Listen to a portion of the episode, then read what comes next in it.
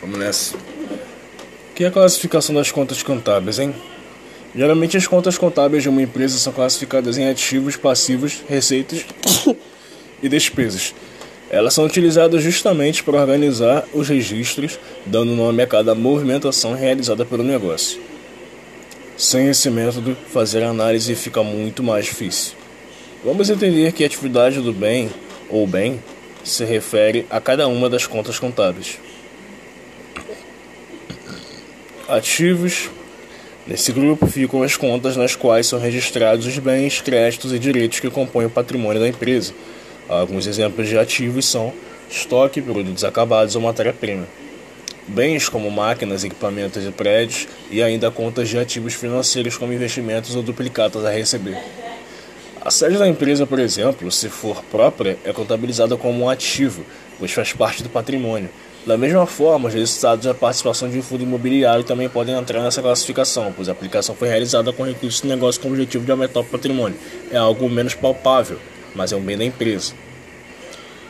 E no caso de dívidas, são os ativos da empresa que entram na conta para pagar os credores, o saldo de investimentos, a sede e o há o ma maquinário podem ser utilizados para honrar esses pagamentos após uma determinação da justiça.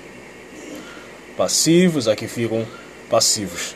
Aqui ficam as contas em que são registrados os deveres e obrigações da empresa como terceiros, com terceiros, como parceiros de negócios, bancos e governos. Alguns exemplos passivos são pagamentos dos fornecedores, empréstimos e financiamentos, obrigações fiscais e sociais, Geralmente são registros em longo prazo, ou seja, compromissos assumidos por um determinado período de tempo. Imagine que a empresa comprou um bem e ele entrou na classificação de contas contábeis como ativo. O financiamento que ele fez para adquirir esse imóvel, consequentemente, entra para entra nas contas do passivo pois configura o compromisso que o empresário assumiu com um banco ou com a instituição que cedeu a quantia. O mesmo pode ser dito da matéria-prima. O material adquirido entra como um ativo do negócio, mas os pagamentos periódicos feitos de forma parcelada aos fornecedores são contabilizados como passivos. Receitas. Nas contas do grupo de receitas são registrados todos os valores recebidos pela empresa, eles podem ser provenientes da operação direta, como venda de produtos ou serviços de receitas não operacionais com juros recebidos, e até mesmo da venda de um ativo que não é mais utilizado. Claro que as principais receitas de uma empresa vêm de venda de produtos e serviços, mas há outras formas para fazer dinheiro entrar na caixa. O próprio patrimônio é um exemplo. Imagine uma empresa cresceu e expandiu para um lugar maior. A antiga sede pode render duas formas, com venda ou aluguel.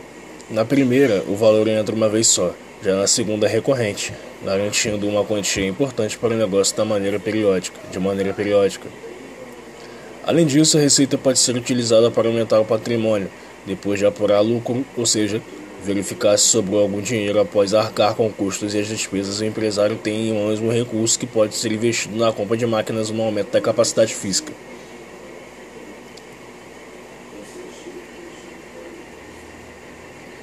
Tem também a despesa. É isso? E já está emendando aqui no plano de contas.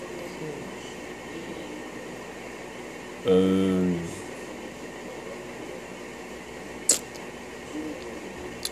Não sei se vem o caso.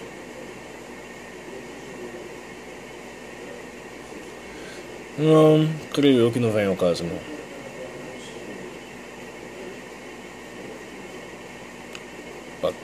Tá, mas vamos encerrar bonito, né? Despesas. Por fim, o grupo de despesas é composto pelas contas em que são registrados todos os desembolsos realizados pela organização, como pagamento de funcionários e fornecedores, compra de matéria-prima ou equipamento de pagamentos por serviços de terceiros. É aqui que a empresa consolida os passivos. Caso não exista esse registro, erro no processo ou falta de pagamento, ambos são graves e devem ser motivo de preocupação para os gestores. Controlar cada uma das contas é essencial para manter a saúde financeira do empreendimento. Vamos pegar como exemplo o pagamento das parcelas de uma compra de matéria-prima. Elas devem ser contabilizadas conforme forem sendo pagas e o dinheiro realmente sai da caixa da empresa. Se essa despesa for registrada antes do dinheiro sair da caixa, pode dar a entender que o gasto já ocorreu e que o valor referente a ela está sobrando. Caso contrário, também pode acontecer. A sua empresa fez o pagamento de financiamento das novas máquinas, mas não fez o registro corretamente. Alguns dias depois, outra pessoa, vendo nas contas que não havia ocorrido o pagamento, faz uma nova retirada da caixa para quitá-lo. Nos dois casos, será necessário para fazer ajustes para corrigir as falhas. Por isso, insistimos na necessidade de fazer todos os lançamentos corretamente, especialmente no que diz respeito à classificação correta de cada categoria.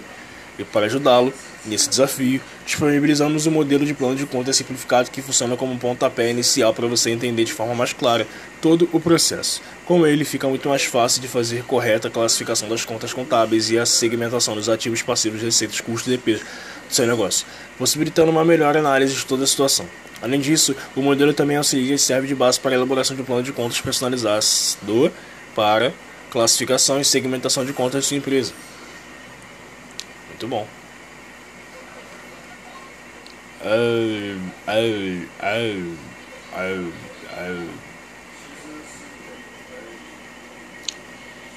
Já continuo daqui.